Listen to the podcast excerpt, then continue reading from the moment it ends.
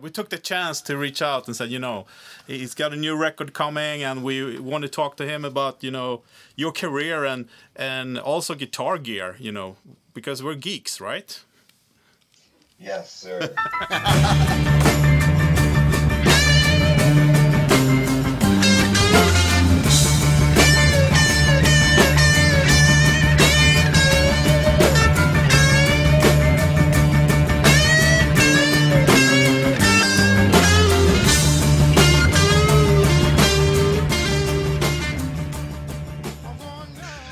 So, uh, you know, uh, I'm a, I- I've been a big fan of yours since I think '90. I, you, you have to correct me if I'm wrong, but I think I saw you playing with the Burning Tree on Marquee in London. Could that be '90? Uh, that would have been 90, yeah. Yeah, and, and- that was the first time I experienced you, and, and I thought uh, until you know late in the career when you joining the Crowes later on that that you were an Englishman. yeah, a lot of people thought that. Yeah, because I mean it was kind of a British vibe over Burning Tree in in, in a way. Power Yeah. trio. Yeah, Well, that, was, that was kind of, you know, that was what we loved to listen to was the British, you know, explosion, so to speak. Um, Yeah. And that, so, you know, the guys would come over to, to my mom's house where I was living and, and we'd go in the garage and, well, first we'd get ourselves really properly pumped up on Folgers coffee and watch uh, the kids are all right or Jimi Hendrix, you know, um, were the two videos I had. And then Yeah. they'd bring over. We just, you know, we'd obsess over these videos and then go in the garage and do it as hard as we can. yeah, So yeah, the influence is definitely. Yeah. But I remember you had the haircut and everything. You know, you looked like you were playing in Oasis or something like, or or Small Faces or something like that.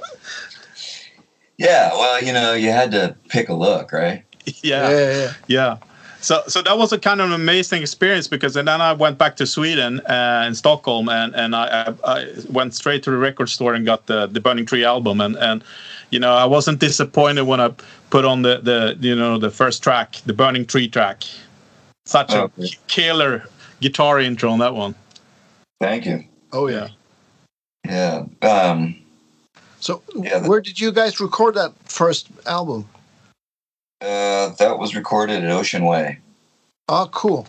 which you ended remember? up Uh, sorry. Which I ended up in that studio later. Ended up being uh, Jack Puig's studio.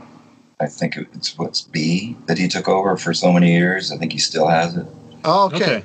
But the Crowes ended up going in there later, years later, and recording in there too. So I've been in there a couple times. Cool. Yeah. The, so, do you remember what gear you were using for for that first album? Yeah. um, I think you know there used to be a place called Guitars R Us on Sunset. hmm and um, they used to rent out gear too. And so I think we we got a really nice uh, Les Paul and uh, maybe a Telecaster. And I had had a couple of Strats um, that I had bought. They were new ones. They were those Strat Pluses or whatever. Yeah. Um, and I think I had. I, mu- I, I must have. Maybe I had my Marshall at the time. Maybe not. Um, I know that we we were, we rented a really nice Marshall 100 watt um, and a really nice Vox AC30, and I think those were basically the two amplifiers that we used. Um, you know, and uh, we were broke, man. So it was very little. I had the one fuzz face, the Dunlop red fuzz face, and uh, uh, some kind of wah pedal, you know, and I wasn't. It wasn't a lot. No, but you, I mean, it was enough apparently because Oh, it's yeah. a killer sound on that record. uh, Especially, you know, it's the British vibe over the whole thing and a lot, Well, lot of Hendrix tones. We also had um, Tim Palmer producing it, who Okay. is British and who did a phenomenal job. I think you know Mm. recording. But but you guys did a you did a reunion later, uh, you know, in mid 2000 something, right? With the Burning Tree.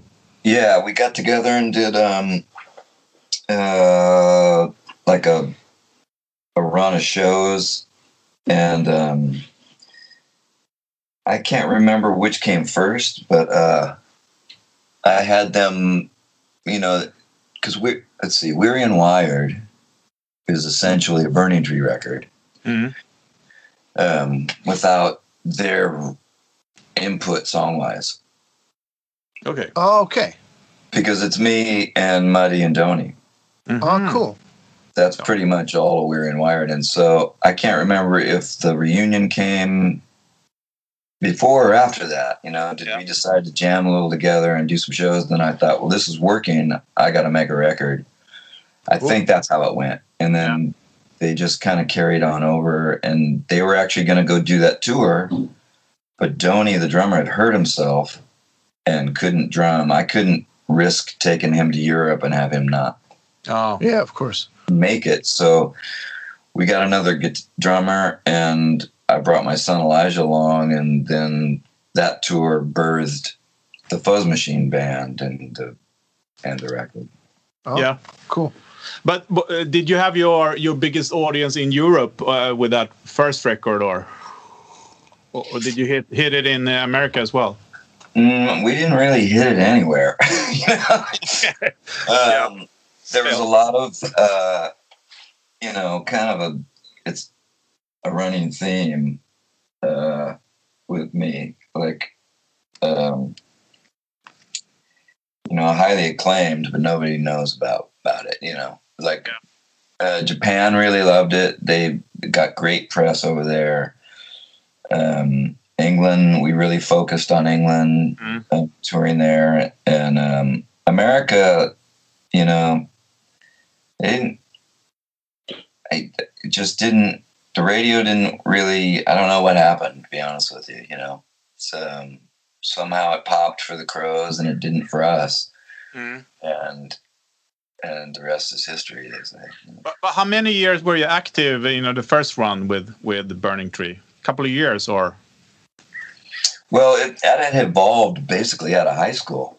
Mm. You know, um, it was kind of just guys that I've been playing with from around the neighborhood, and we, you know, I forged my sort of dive into this whole mess with those guys, and then, uh, you know, for one reason or another, it just, it just wasn't working, and and there was frustration, and people left, and and I was. I was left with this scenario of a label that didn't really know what to do with us, owed them a lot of money for their first one. They were Oh, telling me yeah. that they didn't hear, they, they didn't want to invest any more money, really. Oh, yeah. And so they let me off the label. And, uh, and then I was sort of in, you know, I wasn't really sure what to do. And that's when, uh, Chris called and said that they, they needed a guitar player. yeah, So how did that come about? Did you like meet them on the road, or how did you hook up with the the, the Crow guys in in the first place? I met. Um, well, I heard. I heard. Um, I, while I was doing press for Burning Tree, um, I was told about them, and I think Chris was told about me from the same guy at NME, and um, just to sort of, hey, wh- have you heard about each other? You know. And then a friend of mine who ran a record store here in LA turned me on to a promo copy of their record, and um, and um, as I put the CD in the car to drive home, I like I pulled it over and I looked at my wife and I said, I said, listen to that guy sing. He sings like I play the guitar. yeah. yeah. And I go, we're gonna play together. I guarantee it. Like I'm gonna play with that guy, and then took off down the road. And so eventually, we were doing press for our records, and you know, each other just kind of kept coming up. And they came to LA, and we met, became friends, and and that's sort of just birthed from that. you know. yeah. Yeah. So it was the the law of attraction. You know, if you think about it enough, it will happen, right? Yeah. Right. Well, also in you know in the uh, in the general atmosphere of rock and roll music at the time, there was the Choir Boys, there was the Black Crowes, there was Yeah. what I was doing, there was you know Yeah. Guns N' Roses was about the closest thing that, that was rock and roll as opposed to just straight heavy metal. You know, That's which is- true. Yeah. Uh, so we found each other. You know. Yeah. So what were you were, were I think I read somewhere that did, did you play with Hanoi Rocks as well or was people from Hanoi Rocks or We opened up for the Cherry Bombz and ah cool yeah Oh, cool. that's a And- great band as well yeah you know, I became friends with Timo uh, really closely. Timo Kaltio, who is uh, Andy's guitar tech. Mhm. And so a bunch of Finns ended up in LA because, you know, when Hanoi came, a bunch of them came together and it, they started making the trip to the West Coast. And then unfortunately that happened with their drummer and Yeah. yeah they, and so you, all of a sudden there were all these Finns in LA, and uh, yeah, we all played together and, and knew that's each other. yeah But am am I right that you were offered to play with Guns N' Roses as well during this time? are you with us Just next door to each other. Yeah. Hello. Yeah. Yeah. Yeah. we can Sorry. hear you. we're back Did you hear my question? Yeah. Yeah. We having trouble? Uh, I think we're back now Oh, no, we're back. we hear you Okay. Question. Um, question was about Guns N' Roses. Yes. Uh, Burning Yes. Burning Tree and Guns N' Roses rehearsed next door to each other. Okay. So again, you know, LA wasn't that big of a place, and the people that did anything that was rock and roll knew about each other, and yeah yeah and so uh, we would bump into each other. We we didn't really run in the same exact circles, but you know, uh, yeah, I think that when Izzy left, you know, Slash had called me, and it was the Monday after I got back from uh, being in Atlanta to sort of do this official hang tryout weekend with the Crowes. And so I, I flew back from Atlanta with the official offer to join them, and I said, "Yeah, I'll do it." And Slash called me Monday morning, you know, and said, "Hey, Izzy's gone, and we'd like you to play." And I, you know, I thanked him for the offer, but I just said, "Man, I just joined the Black Crowes," and he goes, "Oh man, that's a great move." You know, he was really cool about it, and yeah yeah, that was a good fine. choice you Yeah, made you made a good choice thank you. I, I think so. because I mean, uh, and you joined you joined the Black Crowes in 91, 92, right? Something like that. Yes. Yeah, it must have been 92. Well, yeah, the end of 91. I'm, you know, fuzzy memories. Yeah, Um, but yeah, I mean, you know, nothing to say anything bad against Slash or Guns N' Roses, but I think for me personally, you know, it was the correct choice. Just as a guitar player, I got to, I got to really play the guitar as opposed to be there and strum for those guys. yeah, yeah. yeah, and you're also part of making one of rock history's best album, if you ask me. Oh well, there you go. Yeah, Yeah. no, it's it's awesome, and it, it was such a such a lift from the first one, even if the first one is cool as well. But you know, Oh, I- I the second totally one is think so, uh, that's where where the Crowes became a band, if you ask me. Yeah, um, it was it was a special kind of timing, you know. Um, I think that when they first made that first record, they they were barely able to do what they were doing. Yeah. and um, they had a lot of help putting that together and direction and, and to make it sound like a record. So then you give them 18 months of playing together Mm. out on the road, and all of a sudden they they got a handle on something. you know. Um, and I was touring on my own, and and you know maybe our levels of being on the road, and it all just was good timing, you know. And, Yeah. uh, I br- maybe I brought I brought something from the West Coast that they needed on the East Coast, and I certainly learned a ton about music from my sort of suburban West Coast upbringing and diving into the South. Yeah. Um, that was a huge education for me, and so it just you know, the, we we spoke the same language, I guess. You know, it it just worked really well. It was exciting to me. It seemed to all of us that it was like, man, this is something pretty special. Like, you know, we haven't heard this before. This is we're onto something. You know. So when you when you joined the Crowes, did you guys did you start touring or was it straight into making an album or? Um, I showed up after that weekend and we went into Chris's garage. Uh, I think for two days, literally in his garage, and plugged into some amplifiers and bashed out these new things that were going on that they had been working on, and they weren't really f- totally finished. Um, after the two days, we just had some shapes that we were going to go in and start recording, and then two days later, we had all the basic tracks recorded. Oh, Cool. cool. It was it was a whirlwind, man. It was crazy, uh, exciting, and and new, and you know all the great things um, that can be great about making a record, you know, and a new band, and so yeah, it was quick, and then and then it was uh, my first tour. Well, my first gig really with them, besides a, a couple of little club dates to sort of try out, was the normal festival in the park for, with ninety thousand people. Good start. Eighty thousand people. So it was just like, yeah, dive in and get to the side, buddy. yeah. Yeah. Do, do you remember what kind what, what gear you were recording with? Yeah. Um, um, I mostly was playing through a red knob twin, Mm.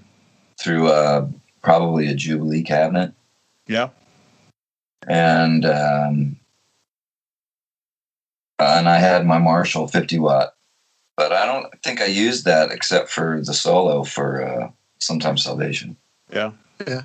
Yeah, and then you know I had a I had a, an 808 tube screamer and a and a fuzz face, that same fuzz face and wah, and uh, and Chris gave me a Les Paul because you know, Yeah. Is that the Les Paul that you were using later on, a deluxe or or what was it?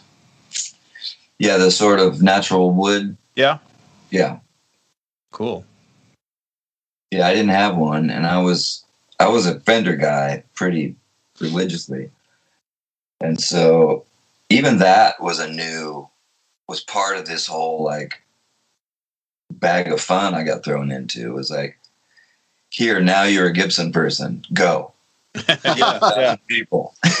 you know, I mean, Yeah. because the, the subtle differences that that the switch, if you've never done it before, are not so subtle. No, No. No. No. not at all. Especially at Les Paul. With the Yeah. back and stuff. it was very um it was very off-putting to me but you know which probably will i mean uh, ultimately it was great because i didn't get to i didn't my stupid habits didn't work Yeah. So you have to find new ways, I guess.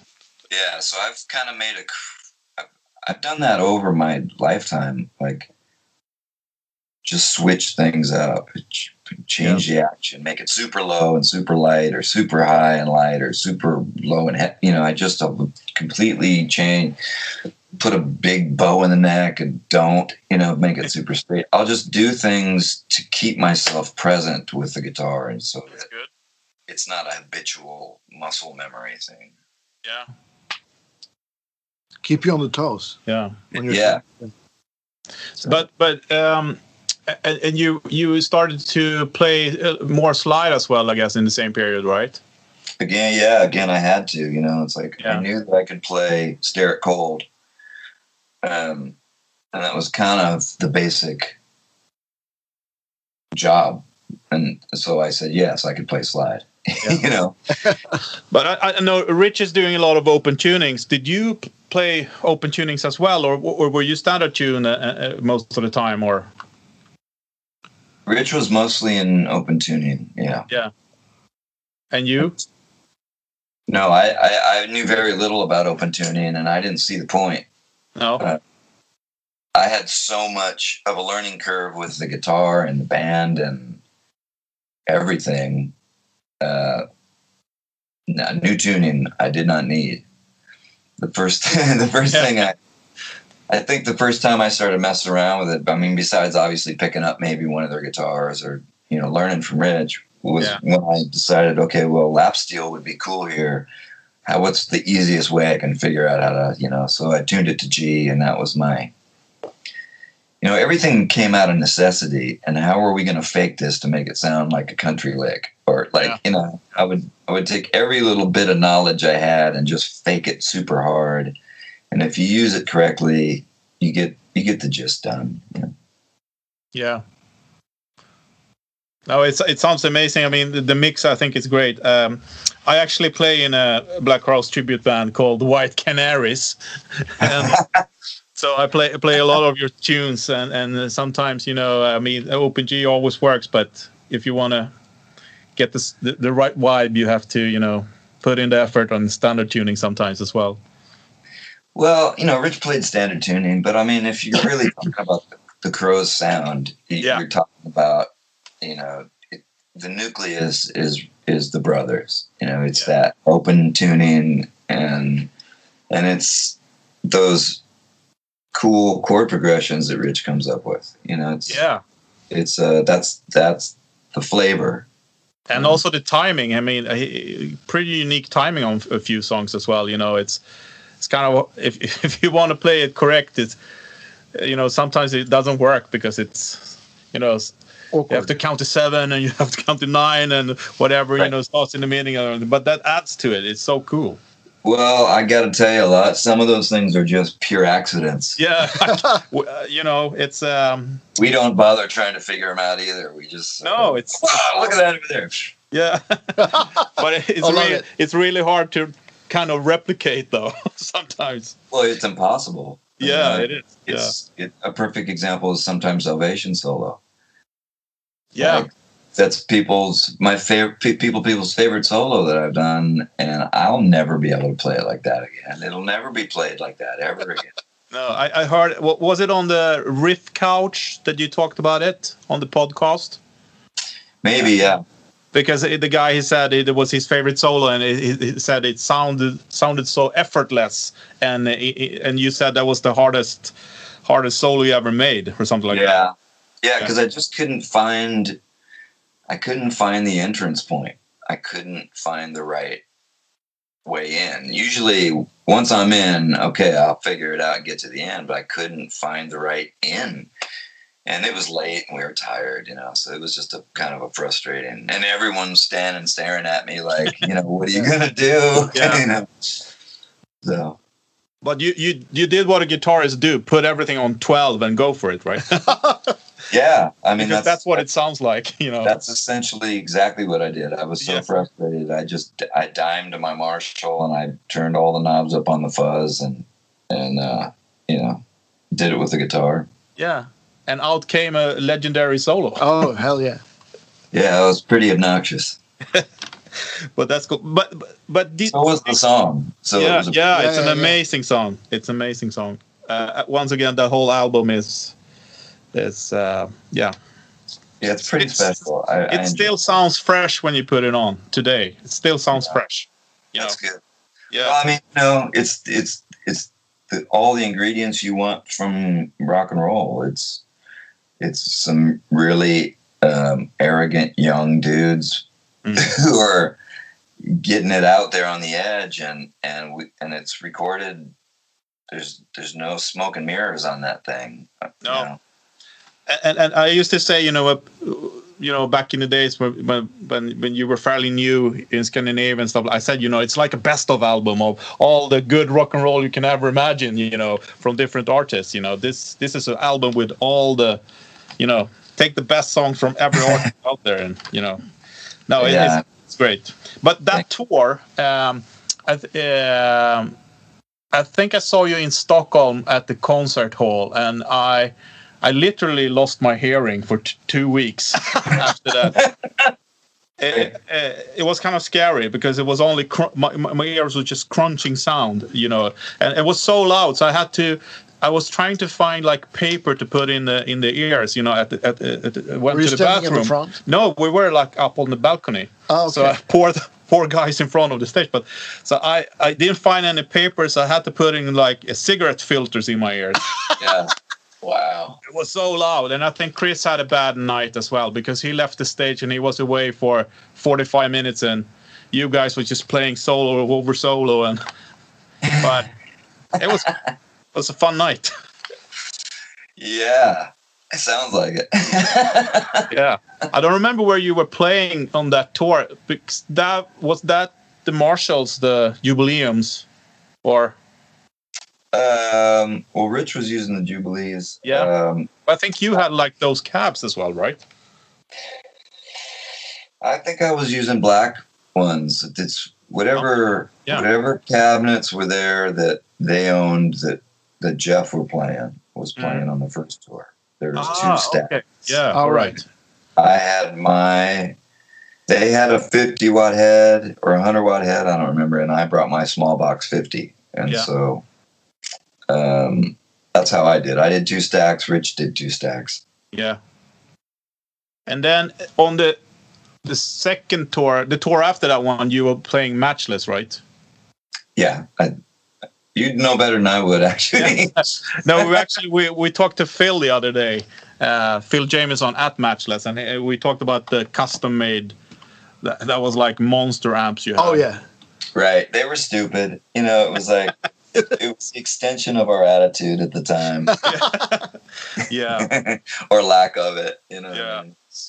But but but were you, Big truck syndrome. Yeah. yeah eight by twelves and and then you know Super Chief and a Clubman in the same enclosure. Yeah, I had I saw a picture on it. It was massive amps. They sounded amazing. Yeah, it did Oh, I- definitely. Totally get that. I mean, but have you also been like um, a loud player like Rich because he's he's crazy loud, right? I mean, when he plays.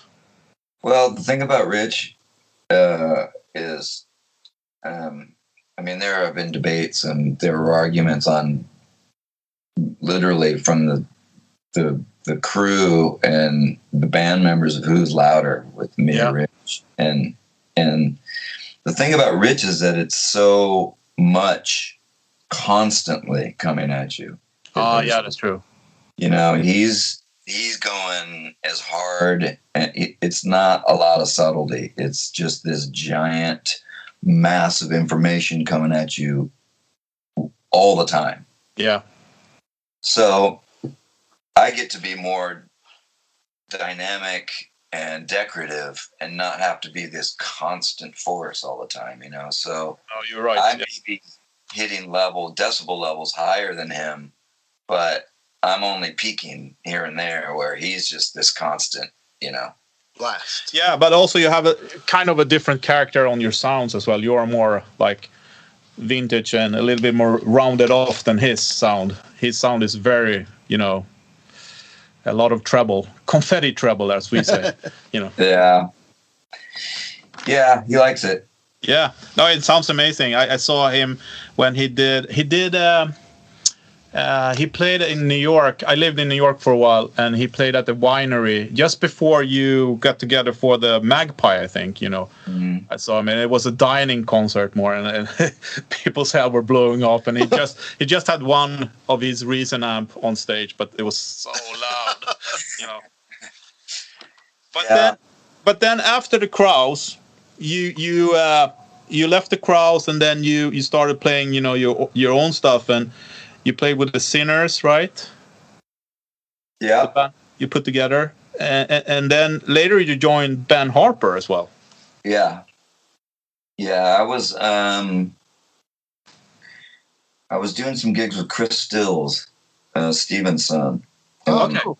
he asked me to play and do he had some H.O.R.D.E. dates and um on the B stage and Ben Harper happened to hear us play Ohio as he was walking past the B stage, and he said I had to stop and hear who was who, who- who was doing that tone, and so he came and introduced himself, and then um, and it was then that I after that that I called him to see if he wanted to sit in on and play on uh, It's About Time. Oh, cool. Oh, cool. Yeah, and then he asked me to join him after that. So, but you're still playing with him or, now and then, or No, okay. So, oh, but okay, yeah. Uh, but when you when you were, how long would you did you play with Ben? three years or so. Yeah.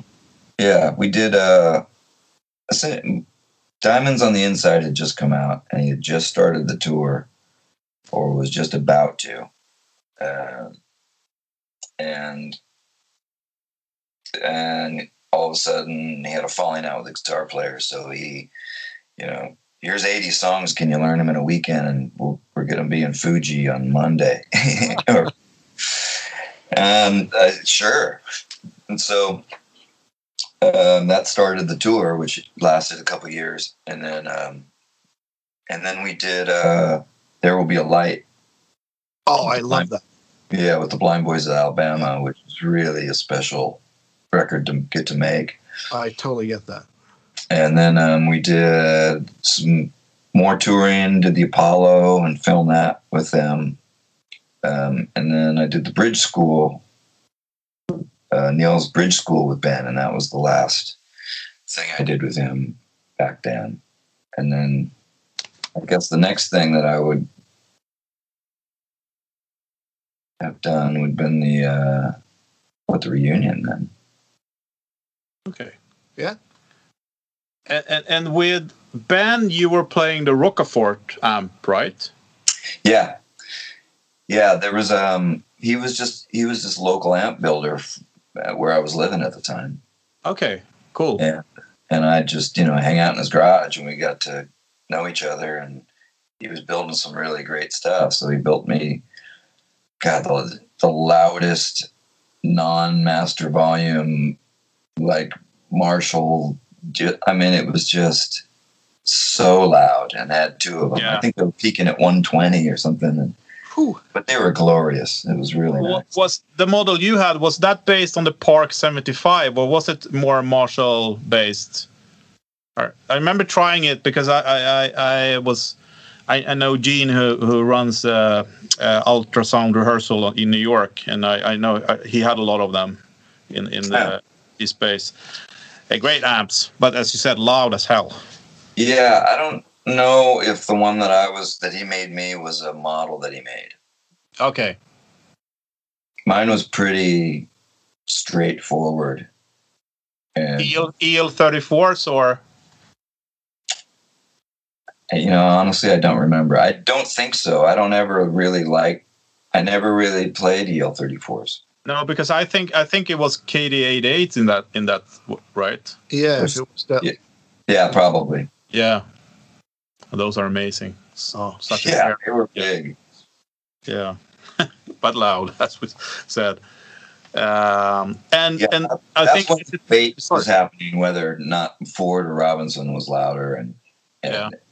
Chris had to sing between the two of them, and it was just like yeah, at that point it was just so bad.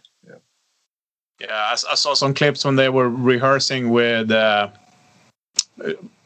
with um, Led Zeppelin, Jimmy Page. Jimmy Page. But Yeah. you you were not in the band at the time, right? Or were, were, were you playing Yeah. with? But but then Chris was trying to sing in between. You know, poor guy. They're so loud the guitars, but you know, good. Um, but at the time when you were playing with Ben as well, was that when you started to work with uh, Bill Asher, Yes. Your signature guitar?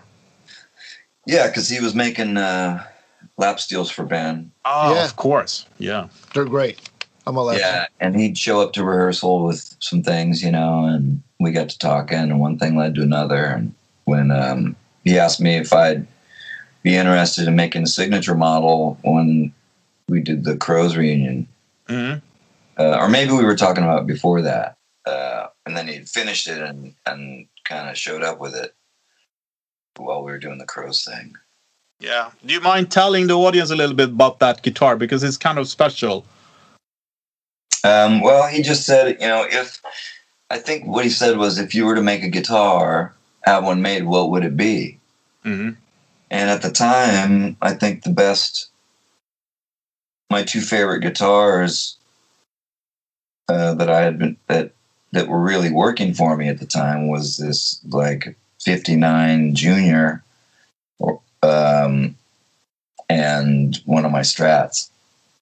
And I said, in a perfect world, if I could get a Strat to sound kind of like this, Mhm. and you know, and but still feel Fendery, but you know, so that's kind of what he did. He we put together basically a, a, a mahogany Gibson special with the pickups all spaced correctly and everything, and then you know we.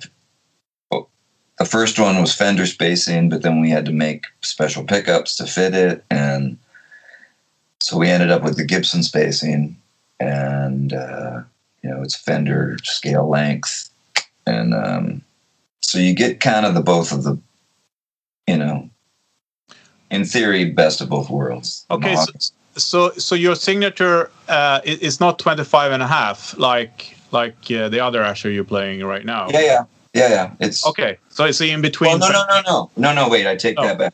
Yeah. My uh, the gold one is a different scale Yeah. than my signature. My signature is Fender scale, Okay. Cool. Cool. and the uh, the gold one is a tiny bit. It's in between kind of Fender and Gibson. Yeah, it's like PRS 25 and a half. Right. Yeah. It's like Yeah. the original Gibson scale, Yeah. Oh yeah. from what I understand. Yeah. And we come to that guitar soon. We we need to talk about that guitar as well. But but uh, and your your signature one. I mean, I love the shape on it. It's like uh, you know, a K meets a Wandry. It's it's really unique shape to it, and it looks great. Yeah, well, that was that was Bill. You know, I mean, I, Yeah. I honestly didn't have a whole lot of input on on that many of the details of the guitar because he was already making that body shape, and you know, I just sort of gave him a wish list of parts that he was already using. You know, Yeah. Yeah. But what I love with Bill's guitars is that they are, you know, for a traditional guitarist, uh, it's still traditional enough but new. You know. Right. Well, you know, we kind of went back and forth a little bit about that. Yeah. Um, because when he was when I met him, he was making these things that were just absolute like museum pieces Yeah. Yeah. with these flame top whatnots, and you know, I mean, like he's truly an artist. And I just said, "Whoa, whoa, whoa, whoa!" like, I can't play something like this because I'd be afraid of it all the time. Yeah. You know, yeah. I said the reason why Gibsons were great guitars is because you could kick them down the stairs and pick them up and still do the gig, and you weren't compa- you weren't worried about it. It was a tool. Yeah. This to me is something I want to put in a case and dust off all the time. Yeah. So I said, make it more utilitarian, make it a little more like I don't care if I ding it because it's going to get smashed. you know. That's Yeah, just- So he went back more to the sort of you know blue collar vibe of it. And Yeah. Um, I, I, th- I think that was a good call as well because I think he probably sold more guitars when it went back a little bit to more the utilitarian, as Yeah. you said. Yeah, we got to remember it is a tool, and Yeah. Yeah, that's true. precious with ourselves about some of this stuff. But then one day you saw the gold one on the wall. Can you tell us about that one? The Electrosonic. Yeah, I went and met um, my old friend Craig Ross. Um, plays with Lenny Kravitz. Yeah. Um, uh, and a good place to meet was Bill's. I was going there. I said, "Why don't you meet me over at Bill's and we can see each other?" And, and as we went in there, Bill had that gold one on the wall, and um, Craig and I were both sort of staring at it like, "What the?"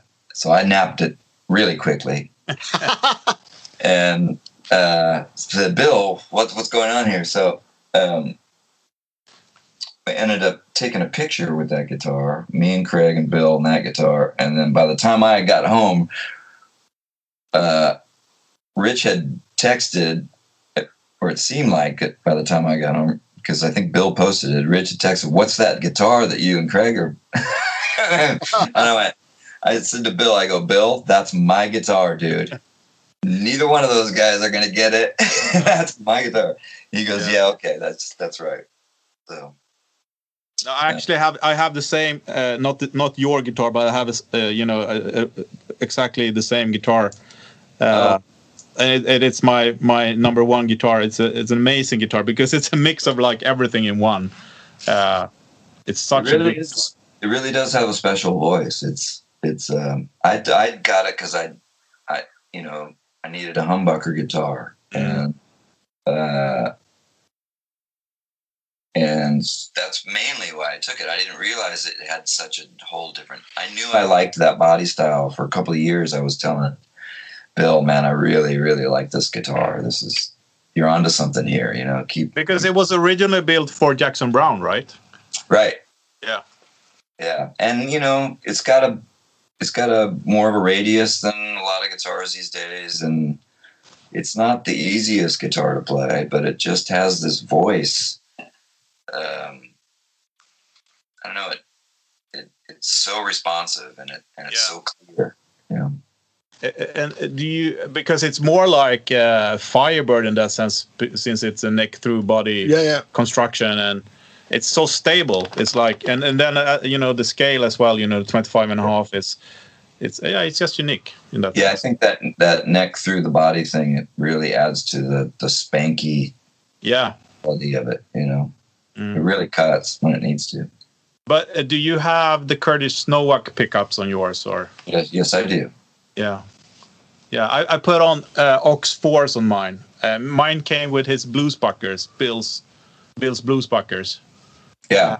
and it was a little bit too bassy in the neck. uh, But I, I found the Ox 4. It's a English made uh, PAF clones, uh, fairly cheap ones, and, Sounds and it great. sounds amazing in that guitar. So airy and and punchy, Yeah. and you know, Right, right. Well, that's the thing I noticed about it. I'm out, I mean, it's almost, it's definitely not a Les Paul sound. no, Um, you definitely got to kind of get out of your head any preconceptions of. more like a big telly. Yeah, yeah. It it it's a it's a it's a valid, not you know, it's a valid eh, separate choice. If I should say that. Yeah, yeah. You've got And- your standard Gibsons and your standard Fender sounds. This is this is kind of something new, you know. Yeah. And and was it the same time when you you started to work with satellite as well, or was that later?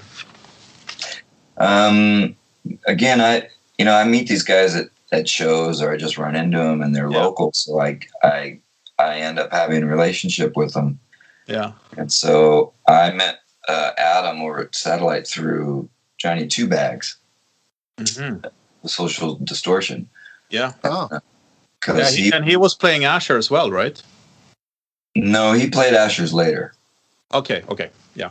I yeah, know but had- I, This was this was quite a long time ago, and I saw him. Yeah. He had two half stacks, and I think each one had one knob on it. And I just said, "That's the amp that I want." you know, take Yeah. all the choices out of it, and um, so yeah, I, I sort of little by little got to know Adam pretty well. He's kind of a mad scientist genius too. Yeah, yeah. I can recommend every all the listeners to follow his Instagram. Uh, it's a treat. Yeah, But uh, so, so, do you remember when you you met him? Was that early two thousand or mid two thousand or um, Adam. yeah, or, the, or when you start playing satellite? Oh no, this is much later. This is uh I didn't meet Adam till five, six years ago. Ah, yeah, you're right. Maybe he, he yeah. I met him at the New York Amp Show, and that that was probably eleven. And he was fairly new. You're right. Yeah, he's not. He has not been around for so long with his, you know, in public, sort of. No, he well, because he owned a vintage clothing shop before. He's Yeah. kind of like this like guy who just gets into weird stuff. He had a ukulele Hawaiian band, and so legit and authentic. And he's just a quirky dude, and and when he gets into something, he's very specific and very correct about a lot of things. Yeah. But but the the one you use is that the, based on the Atom or is that your own model or? I've used several of his. The main one that I really love is his CUDA, and it's got KT66s in it. All right, yeah. And it's it's literally just peg it and go like it, like, it and there's no you know there's two knobs, so it's hard to mess it up. Mm. And anywhere you put them, it sounds great. You could it's a usable sound. And are you using a one twelve to that or a, or a two twelve or? Well, it depends. I was what I ended up with was a 212 cabinet for that, and then I was running a smaller, a lower wattage amp uh, that had 5881s in it, Yeah. uh, Yeah. and two tens. Um, so I had two tens with that amp, and then two 12s with the CUDA, and running those together, and they were sounded really delicious. But but didn't he build a like a massive two by twelve for you as well? Yeah, it's a little taller. It's- yeah, kind of. it, it loo- looks like a like a eight by twelve inch speaker almost. Oh it? no no no no no! That that's his four by twelve. Okay, yeah. Oh, okay. It's I know massive. what you're talking about. You're Yeah, talking yeah. about thing that yeah that I was using at the beginning of last year. Uh, yeah, I, I think I saw it on Instagram or something when you were trying it out at his shop. Yes, that's his that's his 412 cabinet, and it's Oh wow. it's hilarious. So, um, and it sounds amazing. So when I when I went out to do the tour opening for the Allman Betts band, I thought, let's see, I'm going to open the show for a band of of three guitar players who are who are doing it really well. I'm the oldest guy with one guitar. I'm going to bring the biggest amp. Yeah. Good thing. So I won. yeah. But uh, and, you uh, know, I mean, I saw you when you were playing in Stockholm with uh, Magpie, and uh, you had a great sound. But it was the satellite and a deluxe reverb, something like that, right? That probably was a backline that deluxe. Yeah. Oh, maybe not. Maybe not. I don't. I don't remember. Yeah, No. I, had used a. There was a couple pairings going on. Some of the stuff was like just amps that Rich had, Yeah. And uh, and then usually you know, and some satellite with it. Kind of. Yeah, but you you were playing it in in Stockholm. It was a fairly small venue. Uh, it was a great sound, uh, really really good. Thank you.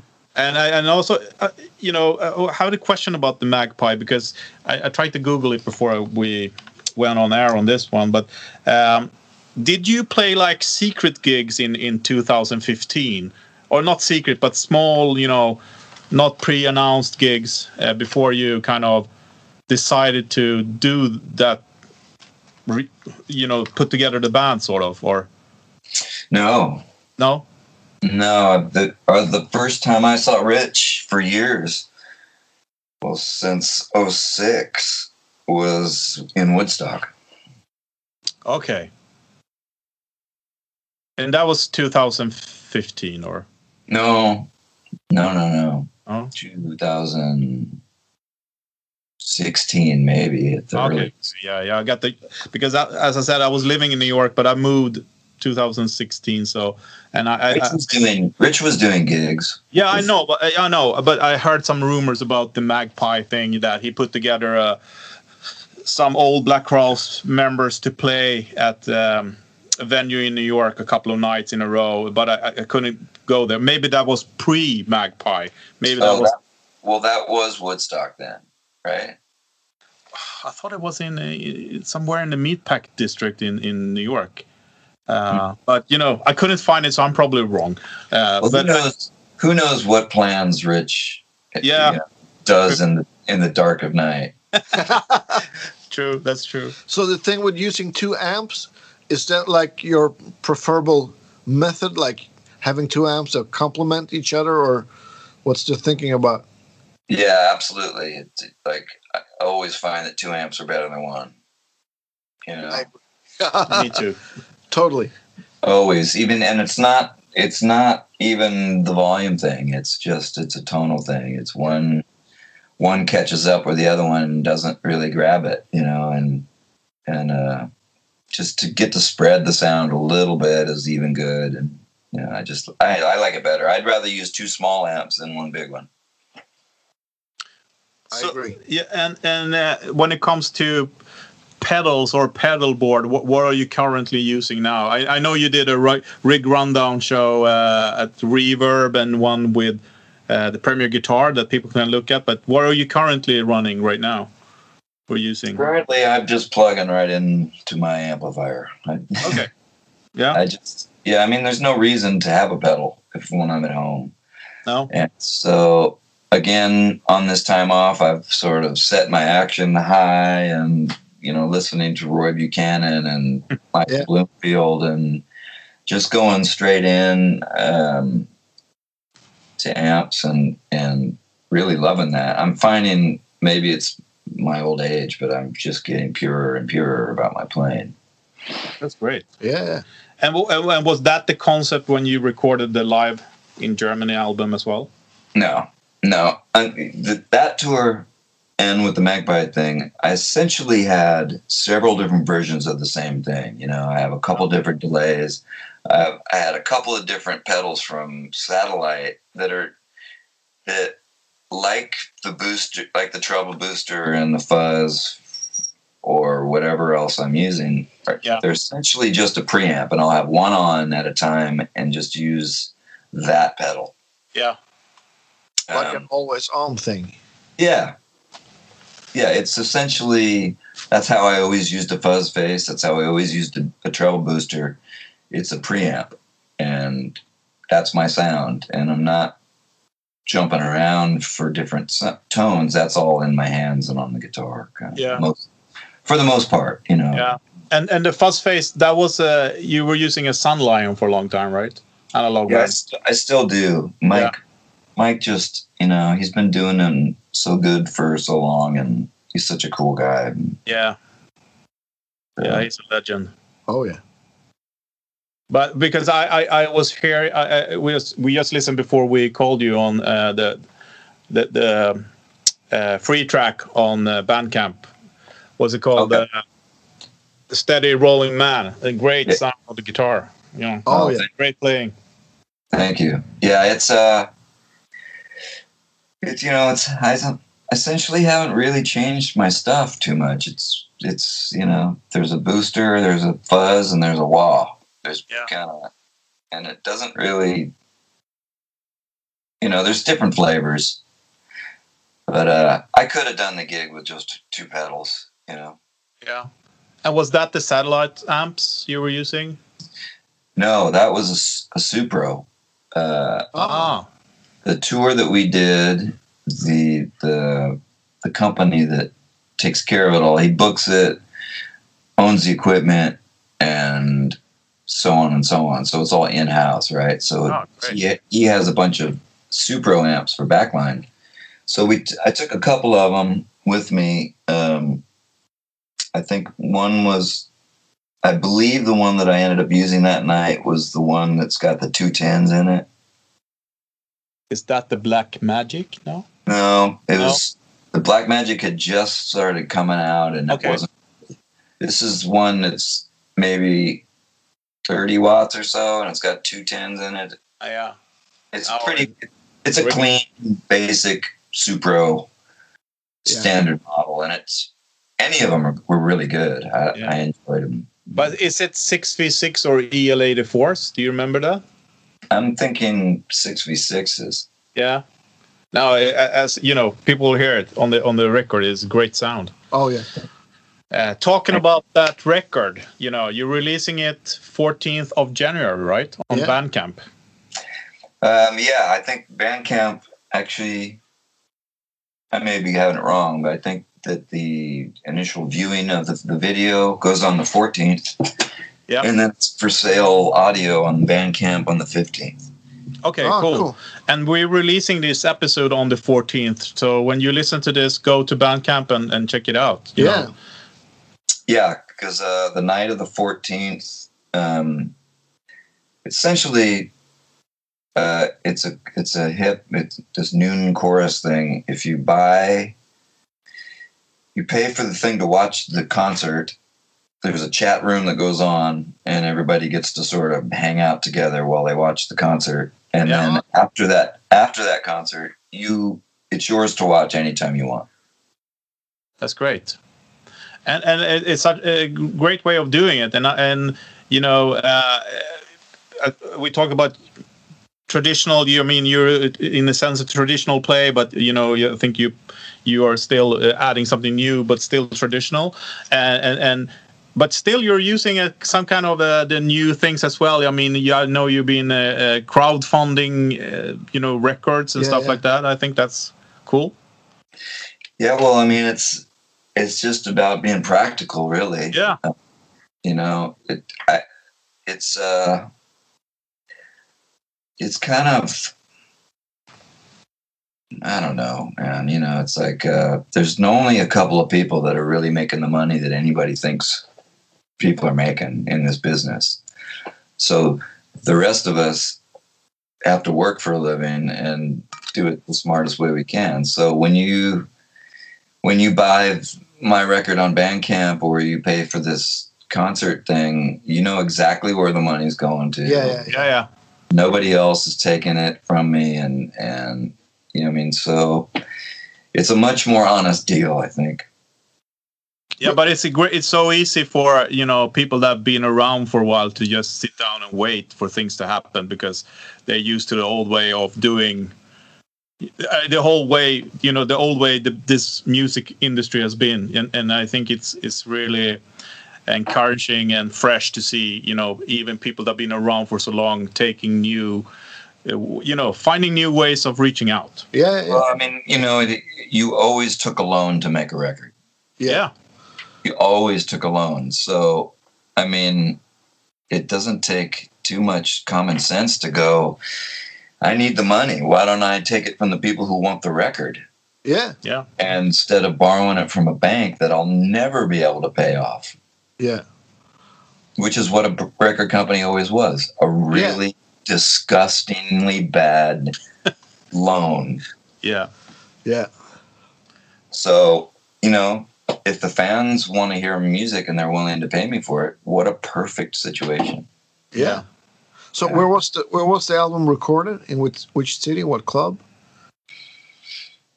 The Music Star, Uh, the, the live in Germany. Uh, the live in Germany. Sorry. Yeah, yeah, is that what you're talking about? Yeah. Yeah. yeah. Yep, yeah, Music Star. Oh, okay. Ah, Music Star. Okay. Can you tell us the story about that recording? Because it comes with a story, right? Uh, yeah, I mean, the story is there was no story. I mean, It became Uh, a story. you know, it was a, it was a, it was a, maybe it was a, a month long, three week long tour of Europe, uh, in a van, in tiny little clubs, and um, uh, I couldn't bring the, all of the Neptune Blues Club, so just Mike came, and um, and we met the drummer and bass player at the sound check for the first gig. And I think it was five days later, because there were no days off. I think the tour was maybe one day off in 21 days or something. Like it was just day after day after day. That's rough. So maybe this is the fifth gig. Um, and I don't even remember that there were cameras and studio equipment because in my mind, that was the last thing I wanted to, to think about was, oh boy, let's put out a live record of what's going on right now. Cause I was, we were hanging on by our, you know, we were just making sure that it worked. Yeah. Yeah. So I didn't really remember that it was even there. I didn't even know it was recorded because I never gave it a second thought until um, my son said that the guy got a hold of him. Did we want the footage? Because the club is either going down. It's I think they were folding. They weren't going to be able to keep it afloat during this pandemic thing. So sent the hard drive and, and I thought, wow, fantastic. Here's if it's not totally a disgrace, then why not just put it out there? Yeah. And and as I listened to it, I thought, wow, these some of these jams, they're fun to listen to. Okay, it's worth it. Um, so we decided to go ahead and you know and you out. also mixed the album, right? Yeah, because I, you know, it's 21 songs. So I said, well, let's send a song to a couple different guys. And and then when I got them back, I thought to myself, like, well, that's, I mean, they're not really doing anything that special that I can hear. I think I can do this. Yeah. So I just figured, uh, you know, I'll spend the money I'm going to spend somebody else mixing 21 songs and get my home thing back together a little bit. And um, yeah, I did it myself. it was a rabbit hole hell getting back into mixing brain and uh, whew, it's a lot of hard. It's scary business. Yeah. Um, yeah, I did it for good, bad, or worse, and um, it's out there for everyone to to see now. Yeah. So are you are you like a, a Pro Tools guy or a, a Logic Pro guy or what what DAW are you using? I did it all in Luna. Oh, Luna. Oh. Oh, cool. The the Universal Audio software. Yeah, I love it. Oh, cool. I I have it installed, but I I haven't dared open it. It's, it's, it's like I have to. Do I have to learn something new? It's like No, you have to unlearn a bunch of stuff. okay. Okay. That's good. because the thing that was great for me was um, it had been so long since I was into Logic or Pro Tools that when I opened up Logic, I was like, "What is this?" And it's like, okay, if I'm going to have to relearn the whole thing again, let's let's learn this new one that that you know because I bought an Apollo Yeah. Twin. Yeah. Let's learn the Luna and if I got to relearn thing anyway, and it just so quickly, I'm back into making Burning Tree records. Like it's such an analog gain staging, and it just was so familiar to me in such a cool old way. And I couldn't do the digital tricks because I didn't know how to do anything. So I just had to really use it like a board and like Yeah. real analog and you know, you balance the sounds and get them to sound as good as you can get them to. And, you know, my son I go, I sent it to my son, I go, is this, is this, should we bother even spending the money on this to send it to a mastering? and he goes, yes, definitely. This is worth it. So, all right, cool. So is your is your son playing as well? Playing music? Yeah. Well, you know, he was, he was in the Fuzz Machine band and, um, Oh. he's had his own career writing songs and playing guitar and producing and he lives in austin and he um after that fuzz machine thing you know i did the, the ryan bingham record and uh ryan needed um a bass player. So for my son's 16th or 17th 18th 9th something birthday i gave him a bass and i said learn ryan songs and get in the van with them. Yeah. and so he's um he's killing. He makes his own records and produces other people's records. And now he's the bass player for gary clark jr Oh, Oh, wow. That's a good That's gig. awesome. Yeah. yeah he's killing it so I, you know his ears are are more down to what's going on than mine is and if i need another perspective on what i'm doing I, he's a good one Oh, that's perfect. Oh, cool. So uh, on the, on the song that we heard, the steady rolling man, uh, uh, are you playing the harmonica on that one? no that's mike Oh, that's Mike. Oh, yeah, Yeah. yeah. Great playing. Oh, Yeah. awesome. But what what do you have? What are you looking forward to this year? You know, what do you have in, in plans? Do you have any plans? Well, I don't have plans. I No. I mean, we, we have sort of there's there's a lot of people going like, oh yeah, when we can play together, let's play together. Uh, you know, we're I music. There's stuff going on, you know, through emails and and. Yeah. uh, Yeah. But you know, the main thing that we all do is play together, and that's really where the magic is. And and um, sitting here alone at my desk is not not really making music as far as I'm concerned. No, Um, I agree. um, I, I really look forward to getting in the room with somebody and, and having that conversation, you know? Oh, yeah, yeah, yeah. Yeah. And the frustrating thing right now is it's you, you can't plan anything. Right. It's like, That's, that's, you know, that's but then again, as a musician, I, I never really could. I didn't know if I was ever going to get paid or No, if rent was going to get made or, you know, is there a gig to do? Is what's, you know, it's kind of, everyone's on my schedule nowadays.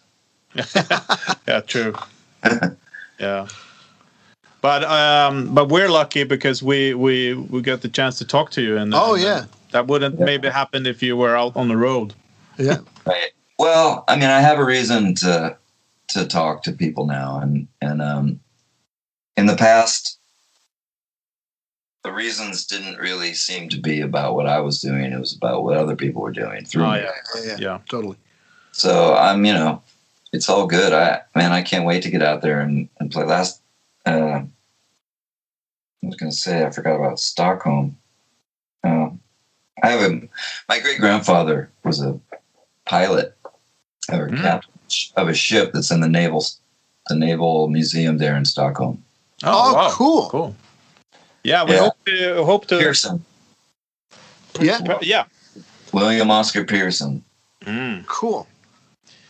But uh, it would be nice to see you over here playing with your band. You know, Yeah, I would love it. Yeah, uh, so we're hoping for that. totally. Yeah, I mean, I'd, I'd love to play anywhere to be honest. With you. um, Yeah. you guys, I think you guys have a little. I I haven't been keeping up, but you maybe you have a little more open sort of society than than we do here, and it's just uh, it's really making it tough to to meet. You know, music was always thing that you had to do Yeah. together at the same time. Yeah. yeah, yeah. Yeah, we we have kept things a little bit more open, but we're closing things now, so we're late to the party. Um, yeah. But we're close to you know getting over this, I think. So Yeah. just hope for the best and If the vaccine works and we all can yeah, start keep pushing. rocking Yeah, it'll together again. you know when when it opens up it's going to be fantastic because we're all going to be hungry again we're all going to be really happy Oh, that yeah. It will be the new summer of love. Yeah. exactly and and when we look behind us it'll this will all be a minute in time so. Yeah. Oh, yeah, you're Totally. you're right.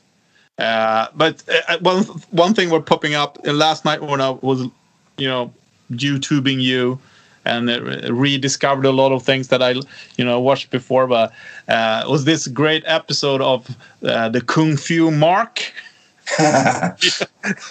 You remember that? yeah i do that was um that was my son playing guitar with me that was Oh, yeah. that was the uh that was the tour that I did for Weary and Wired, and we went ended up going to Moscow and, and headlining the International Blues Festival in Moscow. Yeah. Cool. And so I don't know if it was because my son was in the band, my fatherly protectiveness came out, or I felt responsibility for the International Blues Festival in Moscow, or what. But this drunk guy from the first, the opening band, decided he was going to come up and jam with us. And, and I told him several times on his way to the microphone, no, dude, no.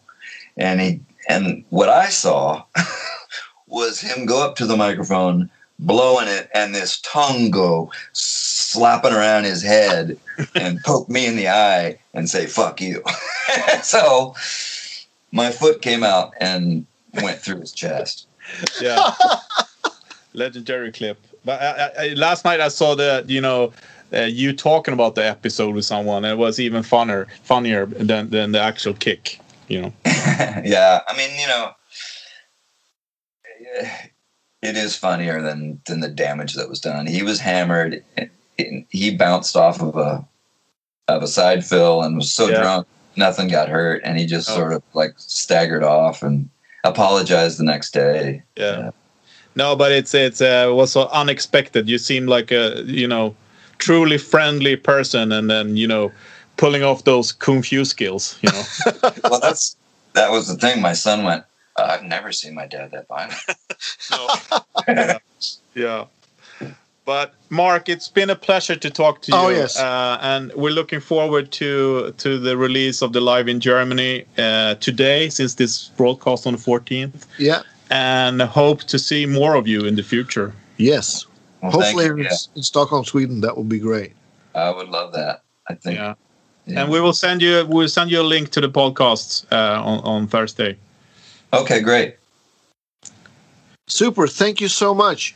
Thank you. Yeah. Stay stay well. All right, Geeks Unite. Yeah. Cheers. Cheers. Bye. Bye. Bye.